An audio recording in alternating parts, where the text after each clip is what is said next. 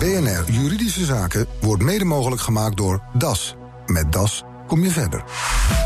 BNR Nieuwsradio. BNR Juridische Zaken. Olsthoorn. Goedemiddag. Bijna 40% van de huwelijken strand. Blijkt uit de laatste cijfers van het CBS. En wie wil scheiden, kan er tegenwoordig online al een voortvarend begin mee maken. Het aanbod van scheidingssite is aanzienlijk, vaak aangeboden door advocaten zelf, maar is nu ook al een tijdje rechtwijzer uit elkaar. Aangeboden door de Raad voor Rechtsbijstand en mede mogelijk gemaakt door het ministerie van Justitie. Een overheidssite eh, dus, uh, collega Nelker van de Heijden. Wat moeten we ons daarbij voorstellen? Je zei al, er zijn er echt verschillende. En dat het nu door de overheid gefinancierd wordt, dat maakt deze eigenlijk wel vrij uniek. Het is in het kader van de innovatieagenda rechtsbestel, zoals dat officieel heet. En het, uh, nou, de site is gemaakt in opdracht van de Raad van Rechtsbijstand. Maar en ontwikkeld onder toeziend oog van hoogleraar privaatrecht Maurits Barendrecht. En daar is dus kennelijk vraag naar, een markt voor. Ja, je zei al, rond de 40% van de huwelijken strand. CBS kwam onlangs nog met nieuwe cijfers.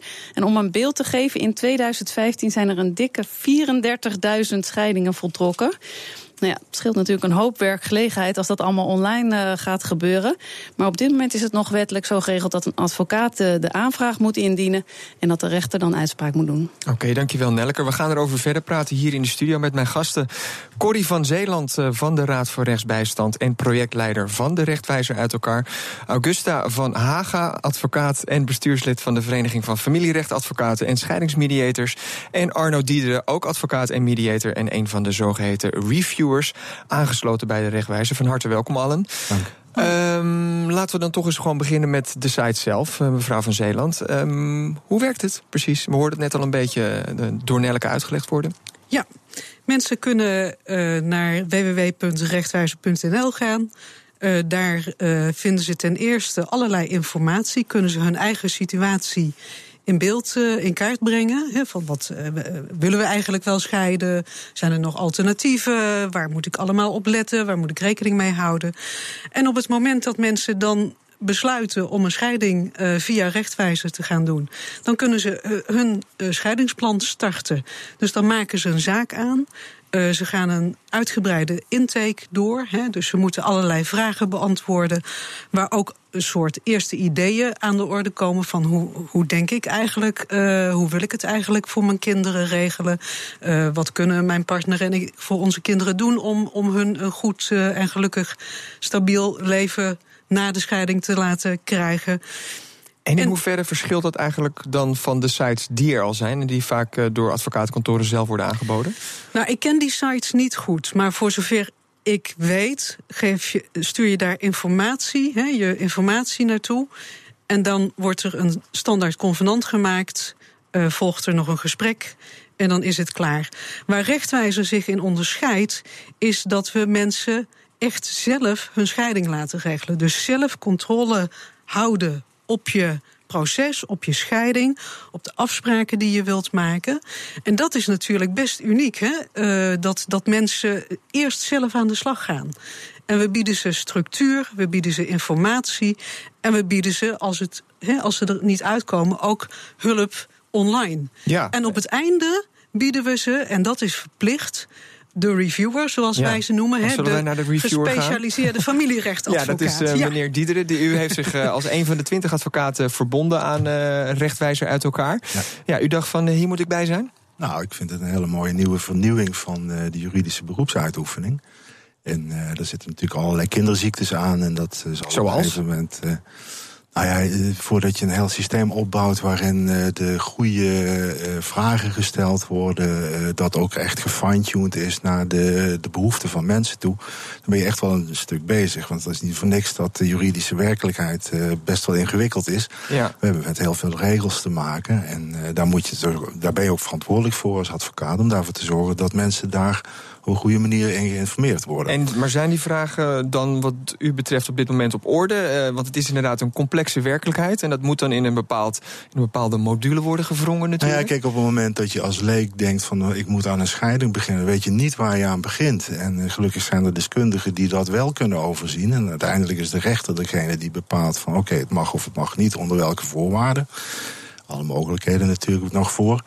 Maar uh, in, uh, de meeste mensen die zeggen van ja, als ik een aantal uh, afspraken maak, dan moet dat in principe geregeld kunnen worden. Maar dan moet natuurlijk naar iemand naar blijven kijken of dat wel en klopt. En heeft u er goede ervaringen mee? Ja, ik heb er hele goede ervaringen mee. ook mindere. het is uiteindelijk vind ik het systeem geschikt voor mensen die met een hele lage escalatie gaat. Dus die eigenlijk geen ruzie hebben, maar samen op de bank eigenlijk hun, hun afspraken kunnen maken.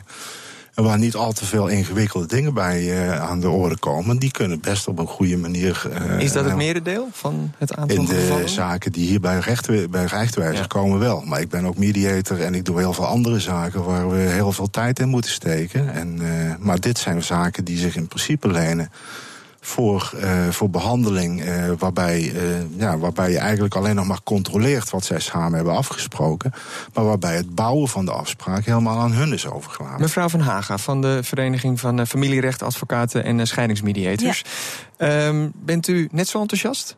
Als nee, de twee anderen nee. hier in de studio? Nee, wij zijn als VAS, dus de specialisatievereniging, niet zo enthousiast.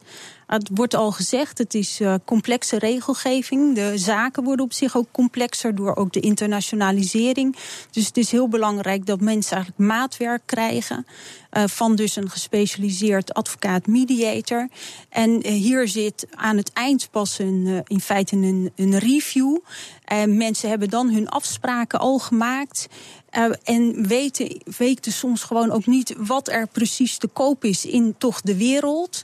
Uh, dan moet een reviewer hen voorhouden van kijk maar je wijkt af van eigenlijk bijvoorbeeld wettelijke maatstaven, hoe het systeem van de wet is. Het is dan heel erg lastig om op dat moment nog te zeggen oh we gaan het toch nog anders doen. Dus als je dan zoiets doet dan is absoluut nodig wat, wat ons betreft om al aan het begin iemand te hebben die, die, die meekijkt, die gewoon die kennis heeft en specifiek ja. voor dat, uh, dat echtpaar kijkt van nou, wat zijn de afspraken die jullie gaan maken? Ik denk dat mevrouw van Zeeland er vast op willen re reageren. Zeker, zeker. Ja, nou, misschien eerst even over de ontwikkeling van rechtwijzer. Hè, want het is inderdaad een complex systeem waar een heleboel vragen en informatie in zitten. Dat hebben wij niet alleen gebouwd. Hè. We hebben daar juist uh, advocaten, mediators en ook gewone mensen die zijn gescheiden bij ingeschakeld om juist die vragen te, te maken en uh, uh, alles, alles zo begrijpelijk te maken. Maar dat, dat contactmoment ontbreekt. Ja, maar dat, daar wil ik nog graag even op ingaan. Het klopt, het contactmoment is nu pas op het einde of als mensen een mediator inschakelen. Maar het is niet zo dat mensen maar in het wilde weg afspraken moeten zien te maken. Hè? Wat we met advocaten hebben gedaan is alle normale afspraken die advocaten voor hun cliënten in scheidingsconvenanten zetten, die hebben wij per onderwerp als standaard tekst daarin staan. Dus mensen kunnen die standaard teksten gebruiken, dat doen ze ook. Dus eigenlijk worden ze zich bewust van welke aspecten er allemaal bij precies, komen kijken. Precies, ja. wat niet wegneemt. Dingen die makkelijk achteraf weer te repareren zijn, wat u betreft. Als ja, je... die in ieder geval een reviewer zo eruit pikt. Ja, is het, uh, wat vindt u er? Want u bent natuurlijk ook ja. advocaat, uh, meneer Diederen. Uh, het is een belangrijke zorgplicht natuurlijk van de advocaat. Dat je natuurlijk ook even face-to-face -face dat contact hebt met de mensen zelf. Om te kijken of er nou, misschien toch ook een bepaalde druk wordt uitgeoefend ja. op een van de partners. Uh, dat is misschien nu toch lastig te organiseren. Nou ja, dat is een van de kritiekpunten op het systeem. Van, gaat dit wel goed als je alles online doet? Maar uh, als advocaat hou je de verantwoordelijkheid die uh, iedere advocaat heeft om je te vergewissen van de identiteit van de mensen waar je mee werkt. En er is een uh, zorgverplichting dat je voor mensen die je samen bedient, hè, dus als je twee uh, partijen met tegengesteld belang als één advocaat wil bedienen, dan moet je zorgen dat er informed consent is. Dat betekent dat mensen allebei precies weten van welke rechten dat ze hebben. En als ze afwijken van wat gangbaar is, dat ze weten waar ze afstand van doen. Hè, dus als je maar hoe doet u nu dat dan? In nou, uh, op het moment uh, dat ik review uh, begin, dan komen de gegevens van die de mensen hebben aangegeven, die komen bij elkaar. Dan ga ik per onderwerp bekijken in hoeverre dat dat wel of niet gangbaar is afwijkt van, het, van datgene wat normaal zou werken. En op het moment dat dat niet zo is, dan ga ik daar vragen over stellen. En ik heb altijd eh, contact met uh, de mensen zelf. Ik uh, telefonisch, per Skype of wat dan ook. Er moet altijd een. Skype, interessant, ja, toch? ja, maar goed, er zijn natuurlijk heel veel mogelijkheden om contact te hebben. Want ik moet een, Komt dat tegemoet aan uw bezwaren, mevrouw Van Hagen? Want nee, dan is er nee. dus toch een. Ik, eigenlijk, ik hoor een beetje Ah, dat meneer ja. die er op zijn Ja. ervaring vaart. En Ja. dat toch ook telefonisch en doorvraagt. Ja, en nou, zelfs dat- via Skype met mensen overlegt. Ja, nee, nee dat, eh, dat is het eh, in feite niet. Eh, belangrijk is inderdaad, die, eh, en dat hebben we als, als alle advocaten, die identificatieplicht van de mensen. Welke mensen heb je, heb je voor je? Ik denk sowieso, als je het hebt over telefonisch, dan kun je niet zien wie je aan de andere kant van de, van de lijn hebt. Skype is ook eh, discutabel, want je weet niet of iemand nog in een, in een dwangsituatie eh, zou zitten. Ah, dus het is toch wel in, eh, in de optiek eh, van ook de vast gewoon essentieel dat mensen bij jou op, eh, op, eh, op kantoor komen of dat er zoveel waarborgen zijn dat je gewoon kunt zien: oké, dit zijn de mensen die in, in feite gaan scheiden. En ook heel belangrijk dat je, ze, dat je eigenlijk bewust bent van het proces wat er ook tussen de mensen is, van voordat ze tot die afspraken komen. En ik denk als je dat helemaal aan het eind hebt, op het moment dat je dan pas de mensen ziet, terwijl ze eigenlijk denken: nou, dat is klaar, we hebben onze echtscheiding, we hebben onze, de gevolgen geregeld. En eigenlijk denken de mensen: nou ja, dan dus eigenlijk nog een handtekeningetje zetten. En ja, meneer als- Van Diederen steekt Ja, al zijn, dat eh, zie zijn je. vinger omhoog. En, en dat is ook heel goed. We gaan er ook zeker over verder discussiëren. Maar we gaan eerst even naar de reclame. Dus straks meer voor's en tegens van de rechtwijzer uit elkaar. BNR Nieuwsradio.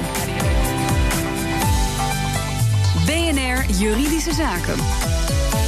Scheiden online. Dat kan nu ook al een tijdje via een site van de overheid. De Raad voor Rechtsbijstand liet Rechtwijzer uit elkaar ontwikkelen. Een site waarop al bijna 1300 stellen een begin maakten met hun echtscheiding. Bij mij in de studio nog steeds Corrie van Zeeland. Zij is projectleider van Rechtwijzer uit elkaar. Augusta Haga van de Vereniging van Familierechtadvocaten en Scheidingsmediators. En Arno Diederen, een van de advocaten-mediators die via Rechtwijzer uit elkaar de scheidingsplannen beoordeelt. Eh, en hij stak voor de reclame zijn vinger op, want hij wilde graag reageren op het punt dat eh, mevrouw eh, Van Haga maakte. Dus eh, meneer Van Diederen, gaat uw gang. Ja, het idee is eh, dat mensen eh, op het moment dat ze door het systeem lopen, niet al hun afspraken klaar hebben voordat het bij de reviewer komt. De voorwaarde voor de reviewer is van jullie hebben pas een overeenkomst op het moment dat het ook door mij is goedgekeurd. En eh, de bouwstenen die er in het systeem zitten, die brengen mensen tot een bepaald basisakkoord. En op het moment dat je dat eh, helemaal afgelopen hebt en op alle punten overeenstemming als uitgangspunt is, gaan we echt kijken van en hoe staat het nou? Snapt iedereen wat hier staat? En pas daarna mag er een handtekening onderkomen als dat over en weer geaccordeerd is. Dus met andere woorden, u bent wel tijdig in het proces, komt u erbij kijken ja, zeker. Want Ja. eh, ik moet uiteindelijk heb ik de verantwoordelijkheid als advocaat om de zaak weer bij de rechter te brengen. Ja. En ik ben verantwoordelijk voor de inhoud van het convenant wat er naar de rechtbank gaat. Ehm, En wij willen ook dat onze, onze advocaten eh, streng en zorgvuldig zijn. Hè? Wat we zien in de reviews is dat er vaak drie keer drie rondes zijn. Hè? Dus mensen eh, dienen hun scheidingsplan in. Maar ja, dan moet er toch nog huiswerk gedaan worden. En dan helpt de reviewer met informatie en instructies.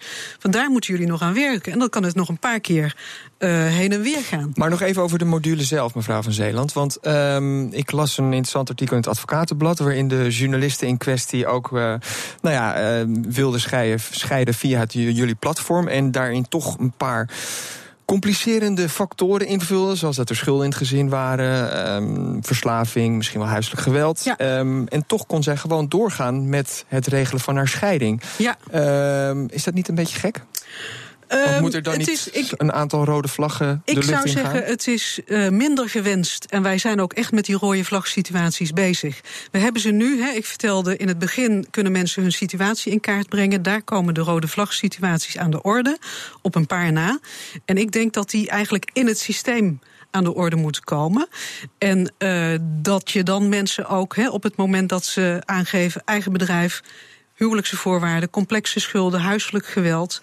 Dat je dan ook moet zeggen op bepaalde punten: sorry, maar rechtwijzer is voor u niet geschikt. Er zijn inderdaad uh, dan andere uh, mogelijkheden. Dus het is ook nog een beetje work in progress. Als Zeker, maar ja. dat is precies wat rechtwijzer is. We zijn voortdurend, het bestaat tien jaar. Uh, rechtwijzer uit elkaar bestaat nu sinds november 2014. We zijn voortdurend bezig met verbeteren. En daarom zijn wij ook, hè, de VESPAS is misschien wel kritisch, maar daar zijn we ook blij mee. Want juist daar kunnen we het beter ja, door maken. De Vereniging van Familierechtadvocaten ja, en Scheidingsmediators. Mevrouw Van Hagen, is er binnen de rechtwijzer voldoende aandacht ook voor de kinderen? Niet onbelangrijk bij een scheiding? Wij vinden van niet. Uh, want er wordt wel veel over de kinderen. Het gaat natuurlijk over de kinderen dan, wat je beschrijft. Maar niet feitelijk dat je de, de stem van het kind heel erg uh, duidelijk terug hoort. Dus van wat is nou de mening van het kind. In een gewone procedure krijgen de kinderen in ieder geval van 12 natuurlijk een uitnodiging. Dat is hier niet. Um, als je het hebt als advocaat-mediator, althans de mensen die aangesloten zijn bij onze vereniging, is het zo dat er ook gesproken wordt vaak met de kinderen. Of in ieder geval op een bepaalde manier betrokken worden. Of is dat ook worden. weer iets, meneer Diederen, dat toch uh, op een zeker moment in het proces nou, in, het, in de online uh, omgeving is dat op dit moment niet zo. Maar ja, uh, op, op het moment, de meeste zaken die ik in de review krijg, daar, is het, daar zijn de mensen het over het algemeen eens. En ik kom eigenlijk heel weinig problemen in het opbouwen van het convenant en het ouderschapsplan dus tegen. Eigenlijk, als ik het zo een beetje al beluisterd heb tot nu toe, is dit gewoon geschikt voor mensen die het gewoon met elkaar heel erg eens zijn dat ze niet meer met elkaar verder willen. Ja, alleen moet je dan wel uh, kunnen constateren dat de mensen het daadwerkelijk in alle vrijheid met elkaar eens zijn. En ik denk dat je pas goed kunt beseffen van wat voor afspraken je kunt maken en welke voor jou geschikt zijn. Als je gewoon weet van hoor dit en dit is mogelijk.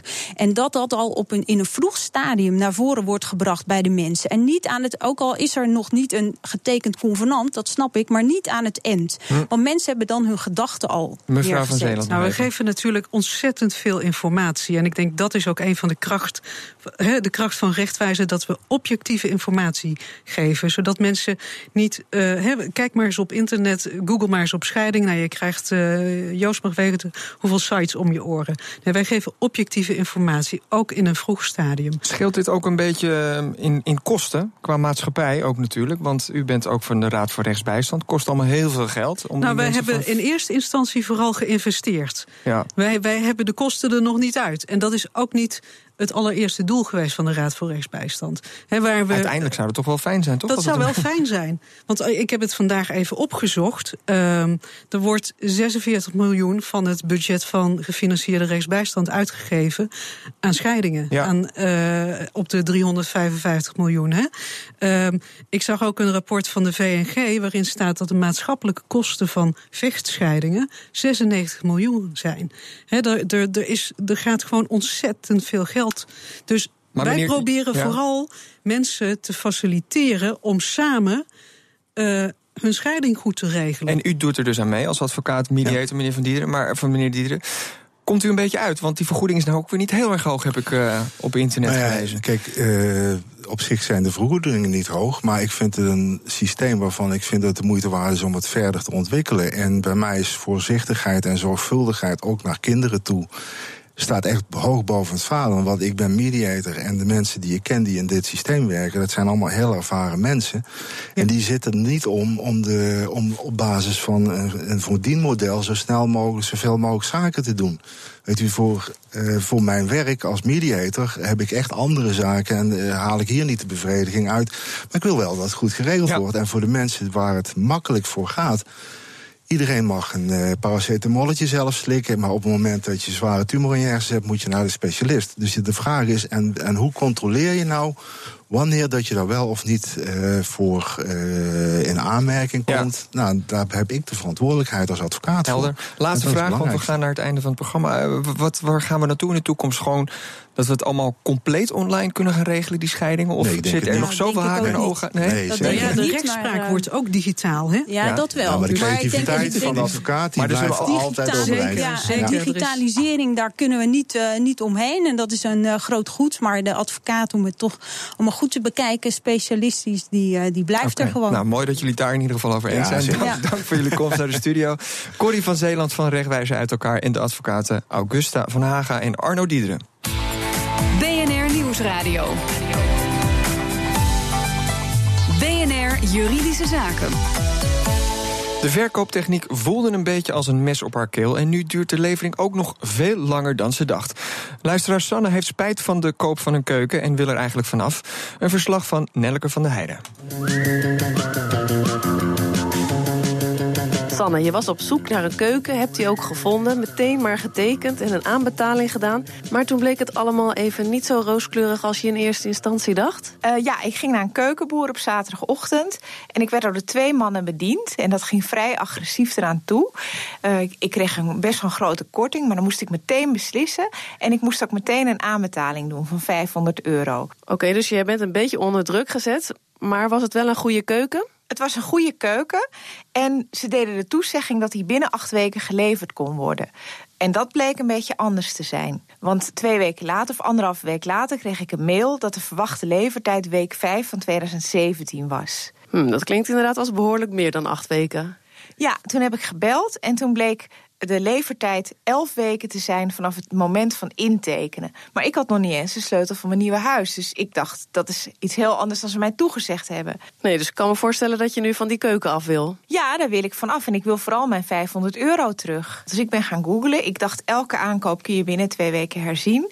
En toen kwam ik echt in een soort pool van ellendige verhalen. Uh, met mensen die aanbetalingen hadden gedaan. En die niet hun geld terugkregen. Dus het lijkt erop dat het dan niet voor keukens geldt.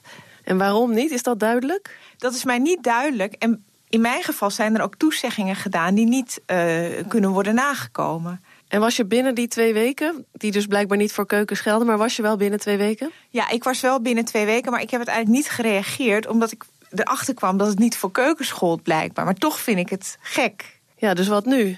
Ja, ja, ik vraag me af of ik toch die 500 euro nog terug kan krijgen, omdat ze hun beloftes niet nakomen. Wilmy Westerhof van advocatenkantoor CMS. Sanne vraagt zich af, ze wil van de keuken af... of ze ook die 500 euro aanbetaling terug kan krijgen. Om van de keuken af te kunnen zou de overeenkomst ontbonden moeten worden. Of dat mogelijk is in deze situatie hangt af van de feiten en omstandigheden die hier spelen. Zoals ik de feiten nu beoordeel, denk ik dat er geen rechtvaardiging is voor een ontbinding. En in dat geval komen bij een annulering van de overeenkomst... de annuleringskosten zullen dan ook in rekening worden gebracht. Ja, en dat zijn dan toevallig ook net die 500 euro?